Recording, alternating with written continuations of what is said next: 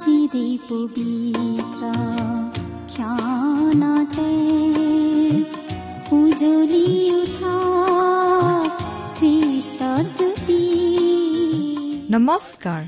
আমাৰ মৰমীয়াল প্ৰভু যীশুৰ মহান নামেৰে আপোনাক এয়া ভক্তিবচন অনুষ্ঠানলৈ আদৰিছো।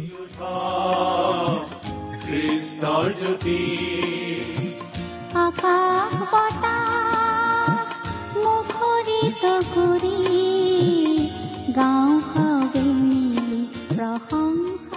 ঈশ্বৰে আপোনাক যি অসীম প্ৰেম কৰিলে তাক যদি অনুভৱ কৰিব বিচাৰে আৰু তেওঁৰ অগম্য বাক্যৰ মৌ মিঠা সোৱাদ ল'ব বিচাৰে তেন্তে আহক আজিৰ ভক্তিবচন অনুষ্ঠানটো মনোযোগেৰে শুনো। এয়া আপোনালৈ আগবঢ়াইছো ঈশ্বৰৰ জীৱন্ত বাক্যৰ অনুষ্ঠান ভক্তিবচন।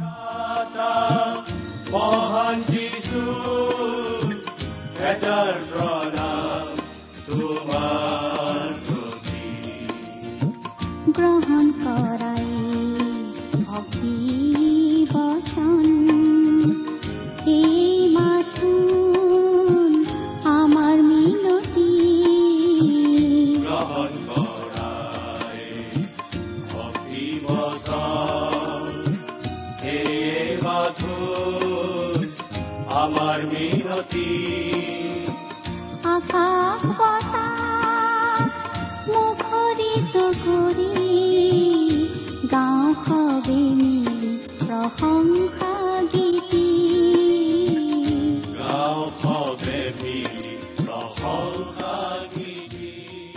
আমাৰ পৰম পবিত্ৰ প্ৰভু যীশুখ্ৰীষ্টৰ নামত নমস্কাৰ প্ৰিয় শ্ৰোতা। আপোনাৰ ভালনে বাৰু?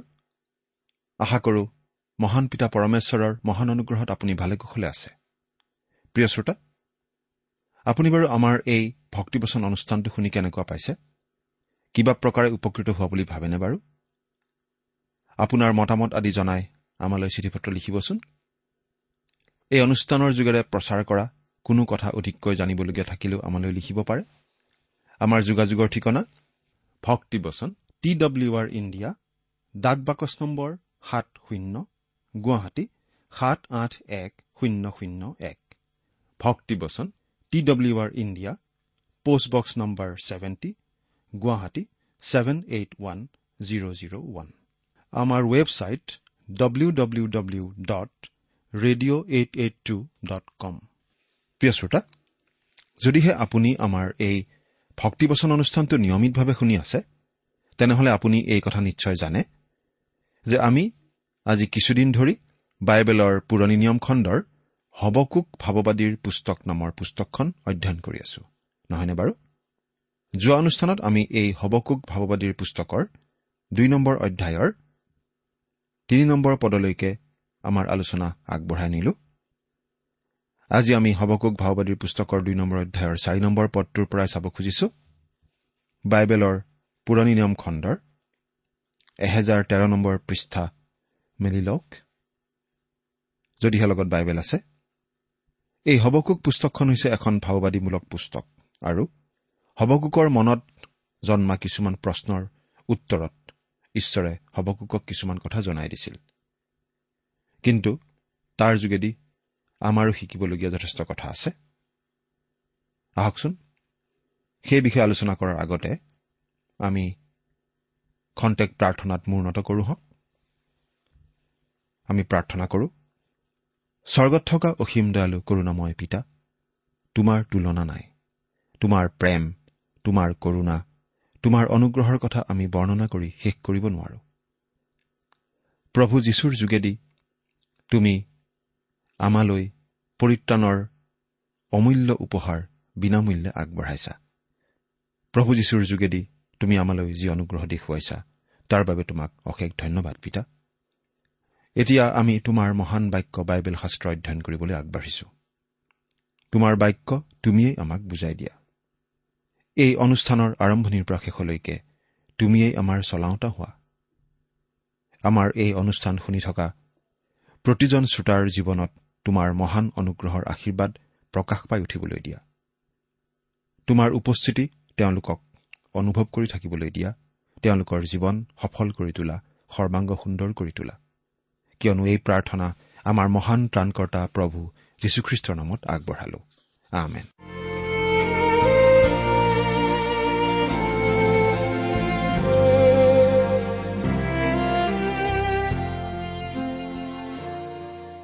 প্ৰিয় শ্ৰোতা হবকুক ভাৱবাদীৰ বিভিন্ন প্ৰশ্নৰ উত্তৰ ঈশ্বৰে দি থকা আমি পাইছো।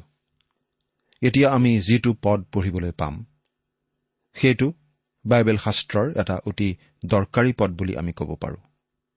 আৰু আচলতে এই বিশেষ পদটোৱেই হবকুক নামৰ এই সৰু পুস্তকখনৰ চাবিকাঠি বুলিও আমি ক'ব পাৰোঁ। আচলতে এই পদটো নতুন নিয়মৰ তিনিখন গুৰুত্বপূৰ্ণ তাত্বিক পুস্তকৰ চাবিকাঠিৰ নিচিনা। কাৰণ সেই পুস্তককেইখনত এই পদটোৰ উল্লেখ আমি পাওঁ। ৰুমিয়া এক নম্বৰ অধ্যায়ৰ সোতৰ নম্বৰ পদ গালাটীয়া তিনি নম্বৰ অধ্যায়ৰ এঘাৰ নম্বৰ পদ আৰু ইব্ৰী দহ নম্বৰ অধ্যায়ৰ আঠত্ৰিশ নম্বৰ পদ। আকৌ কৈ দিছো আপোনালোকৰ লগত যদি কাগজ পত্ৰ আছে আপোনালোকে লিখি ৰাখিব পাৰে। পাছত মেলি চাব পাৰে। ৰুমিয়া এক নম্বৰ অধ্যায়ৰ সোতৰ নম্বৰ পদ। গালাটীয়া তিনি নম্বৰ অধ্যায়ৰ এঘাৰ নম্বৰ পদ। আৰু ইব্ৰী দহ নম্বৰ অধ্যায়ৰ আঠত্ৰিশ নম্বৰ পদ। আহক এতিয়া সেই পদটো চাওঁ। বাইবেলৰ পৰা পাঠ কৰি দিম। হবকুক দুই নম্বৰ অধ্যায়ৰ চাৰি নম্বৰ পদ। যদিহে লগত বাইবেল আছে চাই যাব। পাঠ কৰি দিছো।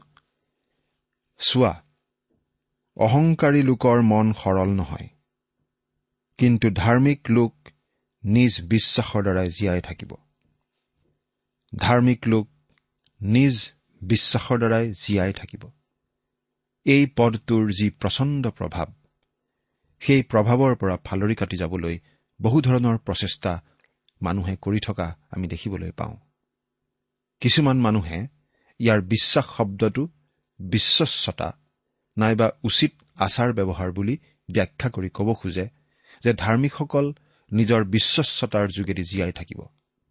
কিন্তু আচলতে এই পদটোৱে মানৱ জাতিৰ আগত মুকলি কৰি ৰখা দুটা পথৰ কথা আমাক দেখুৱাই দিয়ে।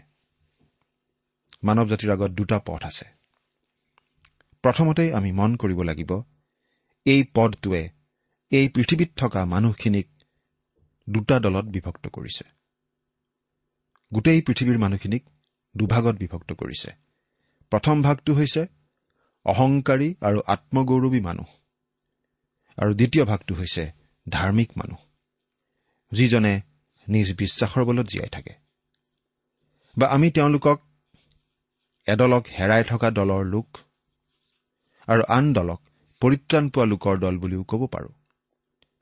বা আমি এদলক ঈশ্বৰক বিশ্বাস নকৰা লোক আৰু আন দলক ঈশ্বৰত বিশ্বাস কৰা লোক বুলিও ক'ব পাৰোঁ। নাইবা এদলক আমি সাধু নোহোৱা আৰু আন দলক আমি সাধু লোক বুলিও ক'ব পাৰোঁ। মুঠতে দুটা স্পষ্ট বেলেগ বেলেগ দল আৰু বিপৰীত প্ৰকৃতিৰ দল। আমি এক নম্বৰ পদত পাইছিলো যে হবকুকে প্ৰহৰী স্থানলৈ গৈ ঈশ্বৰৰ পৰা উত্তৰ অপেক্ষা কৰি আছিল। ঈশ্বৰৰ পৰা যি উত্তৰ আহিব সেইটো হ'ব ব্যক্তি আৰু জাতিৰ ক্ষেত্ৰত ঈশ্বৰে কেনেদৰে কাম কৰে তাৰ ব্যাখ্যাৰ নিচিনা। গতিকে চাৰি নম্বৰ পদত আমি ঈশ্বৰে নিৰ্ধাৰণ কৰি দিয়া এটা গুৰুত্বপূৰ্ণ নীতি দেখিবলৈ পাওঁ। আৰু আচলতে এইটো বাইবেলৰ এটা স্বতঃসিদ্ধ কথাৰ নিচিনা। প্ৰিয় শ্ৰোতা আপোনাৰ নিশ্চয় মনত আছে যে যেতিয়া আপুনি স্কুলত জ্যামিতি পঢ়িছিল তেতিয়া আপুনি কিছুমান স্বতঃসিদ্ধ কথা গ্ৰহণ কৰি লৈছিল। যিবোৰ দেখাদেখি কথা আৰু যিবোৰ কথা প্ৰমাণ কৰাৰ কোনো প্ৰয়োজন নাই। উদাহৰণস্বৰূপে দুটা বিন্দুৰ মাজৰ সকলোতকৈ চুটি দৈৰ্ঘ্যটো হৈছে বিন্দু দুটাৰ মাজত অংকন কৰা সৰল ৰেখাডাল। এই কথাটো আমি সকলোৱে ধৰি লওঁ গ্ৰহণ কৰি লওঁ। বাইবেলতো কিছুমান উক্তি আছে যিবোৰ স্বতঃসিদ্ধ। সেইবোৰৰ মাজৰ এইটো এটা। অহংকাৰী লোকৰ মন সৰল নহয়। অহংকাৰী লোকৰ মন সৰল নহয়। বোলা এই উক্তিটোৱে আচলতে অহংকাৰী লোকসকলৰ বৰ্ণনা এটা দিছে। তেনেকুৱা লোকে হয়তো নিজে নিজৰ পৰিত্ৰাণ উপাৰ্জন কৰি ল'বলৈ কষ্ট কৰি আছে। নহলে তেওঁলোকে কেৱল আজিৰ বাবেই জীয়াই আছে। আৰু খোৱা পিয়া মৌজ কৰা কাৰণ অহাকালি আমি মৰি যাম। এই জীৱন দৰ্শন হয়তো তেওঁলোকে মানি চলিছে। তেনেকুৱা লোকবিলাকৰ জীৱনত কোনো নিৰ্দিষ্ট লক্ষ্য নাই কোনো নিৰ্দিষ্ট উদ্দেশ্য নাই কোনো নিৰ্দিষ্ট গন্তব্যস্থান নাই। তেওঁলোকৰ মন সৰল নহয়। তেনেকুৱা লোকবিলাক ভুলৰ বশৱৰ্তী হৈ চলিছে। তেনেকুৱা মানুহবিলাক ভুল পথেৰে আগবাঢ়ি গৈ আছে। কোনো কোনো পথ মানুহৰ দৃষ্টিত সৰল বোধ হয় কিন্তু শেষত সেয়ে মৃত্যুৰ পথ। সিটোপদেশ চৈধ্য নম্বৰ অধ্যায়ৰ বাৰ নম্বৰ পদ। আমি জানো আপুনি নিশ্চয় বহুতো এনেকুৱা ধৰণৰ মানুহৰ কথা জানে। তেনেকুৱা মানুহ অহংকাৰী তেনেকুৱা মানুহ আত্মগৌৰৱী গৌৰৱতে উফন্দি থকা লোক। এনে লোকে যেতিয়া মজগুল হৈ বাটেৰে আগবাঢ়ি যায় বাটে বাটে ফুল বুটলি বুটলি। তেওঁলোক লাহে লাহে আগবাঢ়ি যোৱা এখন নৈৰ দৰে আগুৱাই গৈ থাকে। কিন্তু অৱশেষত গৈ তেওঁলোক পৰেগৈ ধ্বংসৰ সাগৰত। সেয়েই তেওঁলোকৰ শেষ গতি। হেৰাই থকা লোকৰ শেষ গতিৰ কথাটো শাস্ত্ৰত বেছি বঢ়াই কোৱা নাই। কিন্তু প্ৰভু যীশুৱে তেওঁলোকৰ লগে লগে আগুৱাই গৈ বৰ্ণনা কৰিছিল সেই ধনী মানুহ আৰু লাজাৰৰ কাহিনীৰে। লোকে লিখা শুভবাৰ্তা ষোল্ল নম্বৰ অধ্যায়টো আপোনালোকে পঢ়ি চাব পাৰে। তাত সেই কাহিনীটো আমি পঢ়িবলৈ পাওঁ। লোক ষোল্ল নম্বৰ অধ্যায়। যেতিয়া লাজাৰৰ মৃত্যু হৈছিল তেওঁক পৰম দেশলৈ লৈ যোৱা হৈছিল। কিন্তু যেতিয়া সেই ধনী মানুহজন মৰিছিল তেওঁক কয়দলৈ লৈ যোৱা হৈছিল। যীহুদাৰ নিচিনাকৈ তেওঁ নিজৰ নিৰ্ধাৰিত ঠাইলৈকে যাব লগা হৈছিল। আমি যদি তেনেকৈ জীৱন কটাওঁ আমাৰো শেষ দশা তেনেকুৱাই হ'ব। ধাৰ্মিকজন বিশ্বাসৰ দ্বাৰাই জীয়াই থাকিব। বোলা কথাষাৰে দ্বিতীয় দল মানুহক বৰ্ণাইছে। তেওঁলোকে জীৱন নদীৰে আগবাঢ়ি গৈ থাকে ঈশ্বৰৰ নগৰলৈ সম্পূৰ্ণ জ্ঞানৰ পিনে। কিয়নো এতিয়া আমি দৰ্পণত দেখাৰ দৰে অস্পষ্টকৈ দেখিছো কিন্তু তেতিয়া সন্মুখা সন্মুখীকৈ দেখিম। এতিয়া মোৰ জ্ঞান খণ্ড মাত্ৰ কিন্তু তেতিয়া মই যেনেকৈ সম্পূৰ্ণকৈ জনা হলো তেনেকৈ সম্পূৰ্ণকৈ জানিম। প্ৰথম কৰিন্ঠিয়া তেৰ নম্বৰ অধ্যায়ৰ বাৰ নম্বৰ পদ। পৰিত্ৰাণ লাভ কৰা সময়ৰ পৰা সেই বিশেষ সময় পৰ্যন্ত পৰিত্ৰাণ পোৱা লোকসকলে বিশ্বাসেৰে বাট বুলি থাকিব লাগিব। আমাৰ প্ৰশ্নসমূহৰ উত্তৰ এতিয়া আমি নাপাব পাৰোঁ। কিন্তু সেই উত্তৰ ঈশ্বৰে আমাক দিব যেতিয়া আমি তেওঁৰ উপস্থিতিলৈ আহিম। যিহেতু হবকুক দুই নম্বৰ অধ্যায়ৰ চাৰি নম্বৰ পদটো নতুন নিয়মত উদ্ধৃতি দিয়া হৈছে। আৰু আচলতে এই পদটো ৰুমিয়া গালাটীয়া আৰু ইব্ৰীপত্ৰৰ চাবিকাঠিৰ নিচিনা। আমি এই উদ্ধৃতিটোৰ বিষয়ে অলপ ভালদৰে চাওঁ হওক। ৰুমিয়া পত্ৰত বিশেষভাৱে গুৰুত্ব দিয়া হৈছে পৰিত্ৰাণ লাভৰ বাবে বিশ্বাসৰ দ্বাৰাই ধাৰ্মিক বুলি গণিত হোৱা কথাটোত। পাঠ কৰি দিম চাবচোন।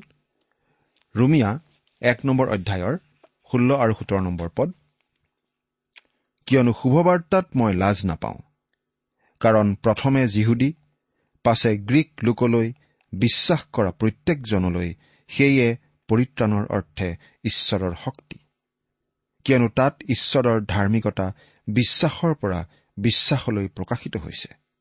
এই বিষয়ে লিখাও আছে ধাৰ্মিকজন বিশ্বাসৰ দ্বাৰাই জীৱ।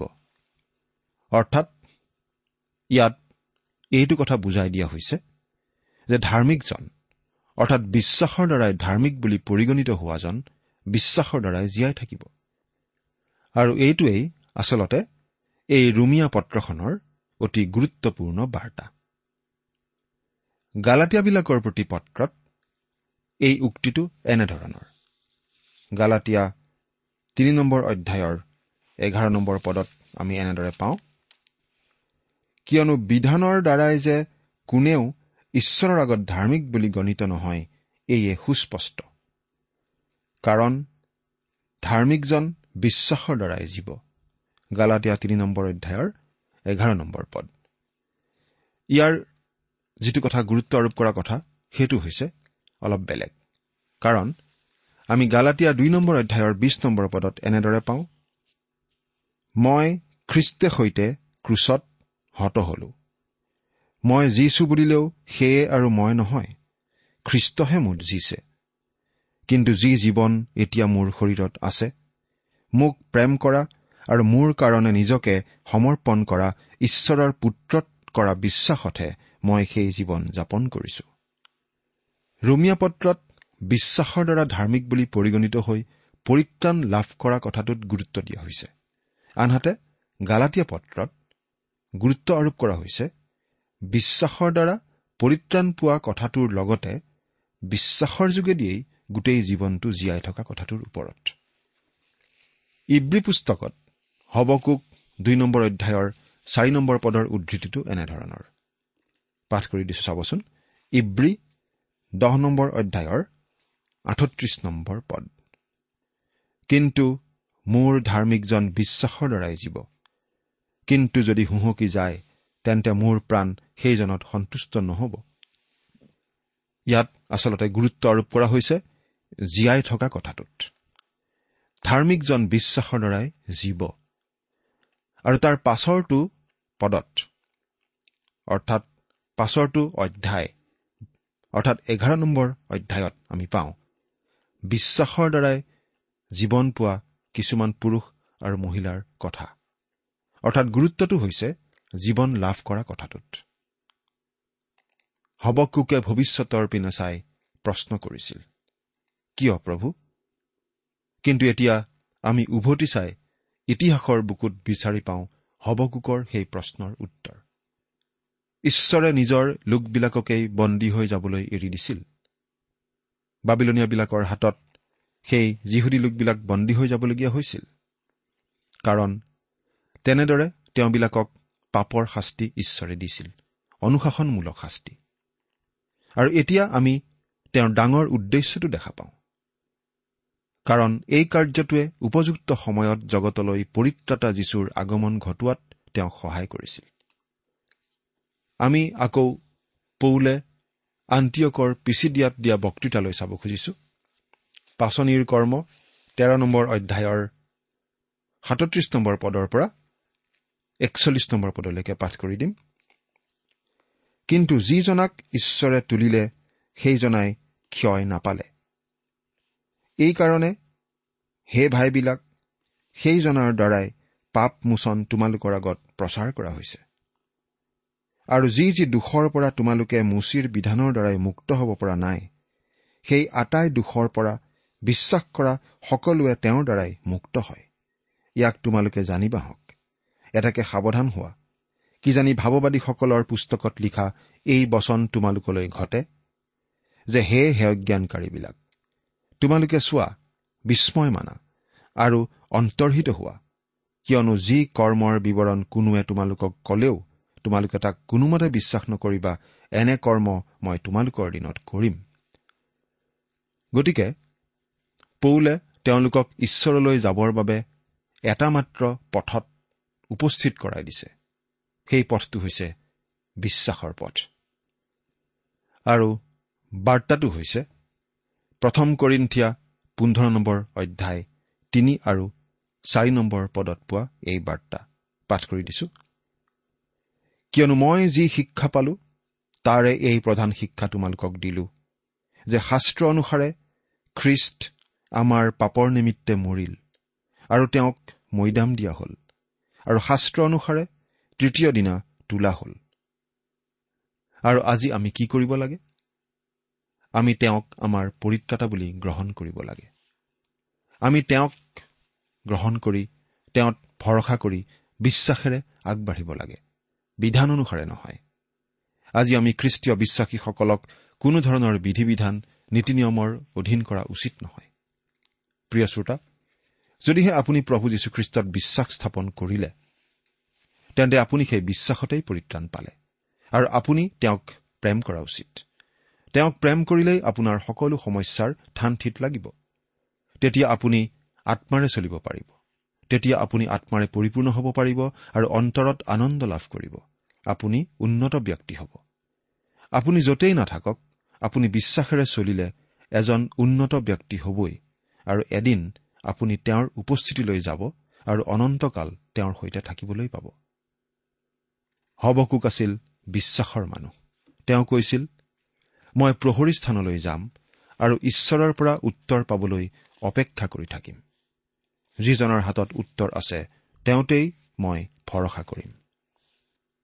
বাইবেলত লিখিছে কিন্তু বিনা বিশ্বাসেৰে ঈশ্বৰক সন্তুষ্ট কৰা অসাধ্য। কিয়নো ঈশ্বৰ যে আছে আৰু তেওঁ যে তেওঁক বিচৰা লোকৰ পুৰস্কাৰ দিওঁতা হয় ইয়াকে তেওঁৰ ওচৰলৈ চপা মানুহে বিশ্বাস কৰিব লাগে। ইব্ৰী এঘাৰ নম্বৰ অধ্যায়ৰ ছয় নম্বৰ পদ। আৰু ধাৰ্মিকজন তেওঁৰ বিশ্বাসৰ দ্বাৰাই জীৱ। আজি ঈশ্বৰে আপোনাক তেওঁৰ গুৰিলৈ মাতিছে আৰু তেওঁৰ গুৰিলৈ অহাৰ বাট এটাই বিশ্বাসৰ বাট। বিশ্বাস কৰা ব্যক্তিয়ে জীৱন গ্ৰহণ কৰে বিশ্বাসেৰে। বাট বুলি যায় বিশ্বাসেৰে। আৰু অনন্ত জীৱনত প্ৰৱেশ কৰে বিশ্বাসেৰে। তেওঁৰ নিজৰ সামৰ্থ্যৰে নহয় আনজনাৰ অৰ্থাৎ খ্ৰীষ্টৰ শক্তি আৰু সামৰ্থ্যত ভৰসা কৰিহে। হবকুক দুই নম্বৰ অধ্যায়ৰ চাৰি নম্বৰ পদে মানুহৰ আগত দুটা বাট দেখুৱাইছে। প্ৰভু যীশুৱে এইটো এনেদৰে কৈছে ঠেক দুৱাৰেদি সোমোৱা কিয়নো যি দুৱাৰে আৰু যি বাটে সৰ্বনাশলৈ নিয়ে সেই দুৱাৰ বহল বাটো মুকলি আৰু সেয়েদি সোমোৱাও অনেক। কিয়নো যি দুৱাৰে আৰু যি বাটে জীৱনলৈ নিয়ে সেই দুৱাৰ ঠেক বাটো চেপ। আৰু তাক পোৱা লোকো তাকৰ। মুঠি সাত নম্বৰ অধ্যায়ৰ তেৰ আৰু চৈধ্য নম্বৰ পদ। বহল বাটটো এটা চুপিৰ নিচিনা মুখখন ডাঙৰ কিন্তু যিমানেই আগবাঢ়ি যোৱা যায় সিমানেই ঠেক আৰু শেষত গৈ এঠাইতেই উপস্থিত হয় ধ্বংস। বিশ্বাস নকৰা পাপীজনৰ শেষ গতি সেয়েই। আনহাতে ঠেক বাটৰ প্ৰৱেশ পথটো অতি ঠেক। যীশুৱে কৈছিল ময়েই বাট সত্য আৰু জীৱন। মোৰ যোগেদি নগলে কোনো মোৰ পিতৃৰ ওচৰলৈ নাযায়। প্ৰৱেশ পথটো ইমান সংকীৰ্ণ যে মাত্ৰ এজন ব্যক্তি অৰ্থাৎ যীশুৰ যোগেদিহে সেই প্ৰৱেশ পথ তেওঁ আমাক কেৱল পথটো দেখুৱাই নিদিয়ে তেওঁ নিজেই সেই পথ। তেওঁৱেই পথ। প্ৰথম জোহন পাঁচ নম্বৰ অধ্যায়ৰ বাৰ নম্বৰ পদত এই বুলি লিখা আছে যিজনে পুত্ৰক পালে তেওঁৰ জীৱন আছে। যিজনে ঈশ্বৰৰ পুত্ৰক পোৱা নাই তেওঁৰ জীৱন নাই। হয়। হয় আপোনাৰ যীশু আছে নহলে আপোনাৰ যীশু নাই। হয় আপুনি তেওঁক বিশ্বাস কৰে নহলে আপুনি তেওঁক বিশ্বাস নকৰে। আপোনাৰ পৰিত্ৰাণ বিভিন্ন ক্ৰিয়াকৰ্মৰ ওপৰত নিৰ্ভৰ নকৰে। আপোনাৰ পৰিত্ৰাণ নিৰ্ভৰ কৰে যীশুখ্ৰীষ্টৰ সৈতে আপোনাৰ সম্বন্ধ কি তাৰ ওপৰত। সেইবাবেই এই পথটো সংকীৰ্ণ। ঈশ্বৰে মানৱক মাত্ৰ এই পথটোৱেই দিছে।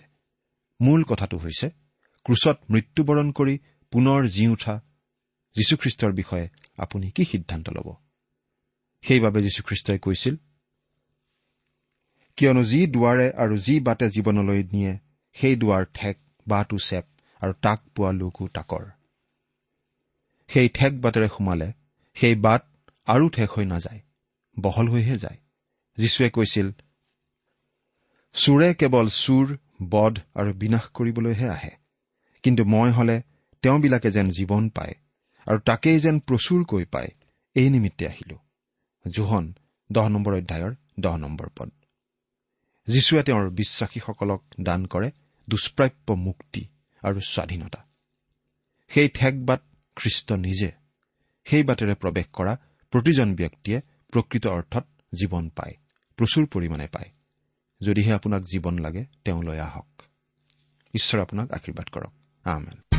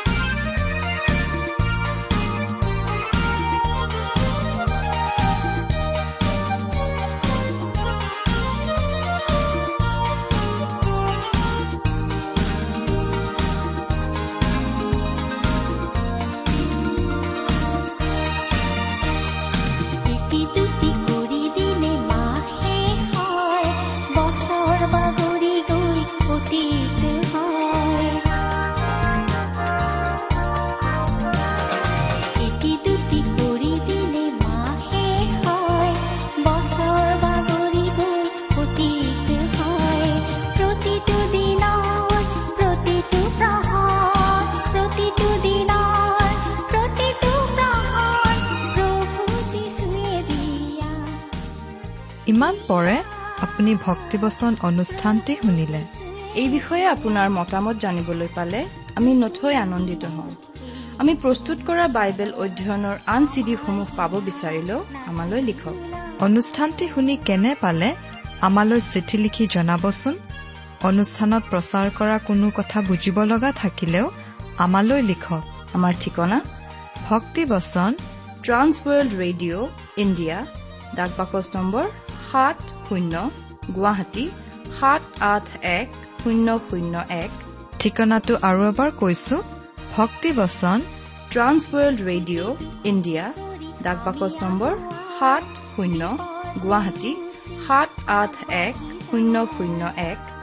আমাৰ ইমেইল এড্ৰেছটো হৈছে S M T T B at the rate radio' eight eight two dot com. আমাৰ website W W W dot T W R dot in আপুনি টেলিফোনৰ মাধ্যমেৰেও আমাক যোগাযোগ কৰিব পাৰে। আমাৰ টেলিফোন নম্বৰটো হৈছে শূন্য তিনি ছয় এক দুই ছয় শূন্য চাৰি ছয় সাত এক। ফোন নম্বৰটো আকৌ এবাৰ কৈছো zero' three six one two six zero' four six seven one আজিৰ অনুষ্ঠানটি ইমানতেই সামৰিছো। ঈশ্বৰৰ শান্তি আৰু অনুগ্ৰহ আপোনাৰ লগত থাকক। ধন্যবাদ।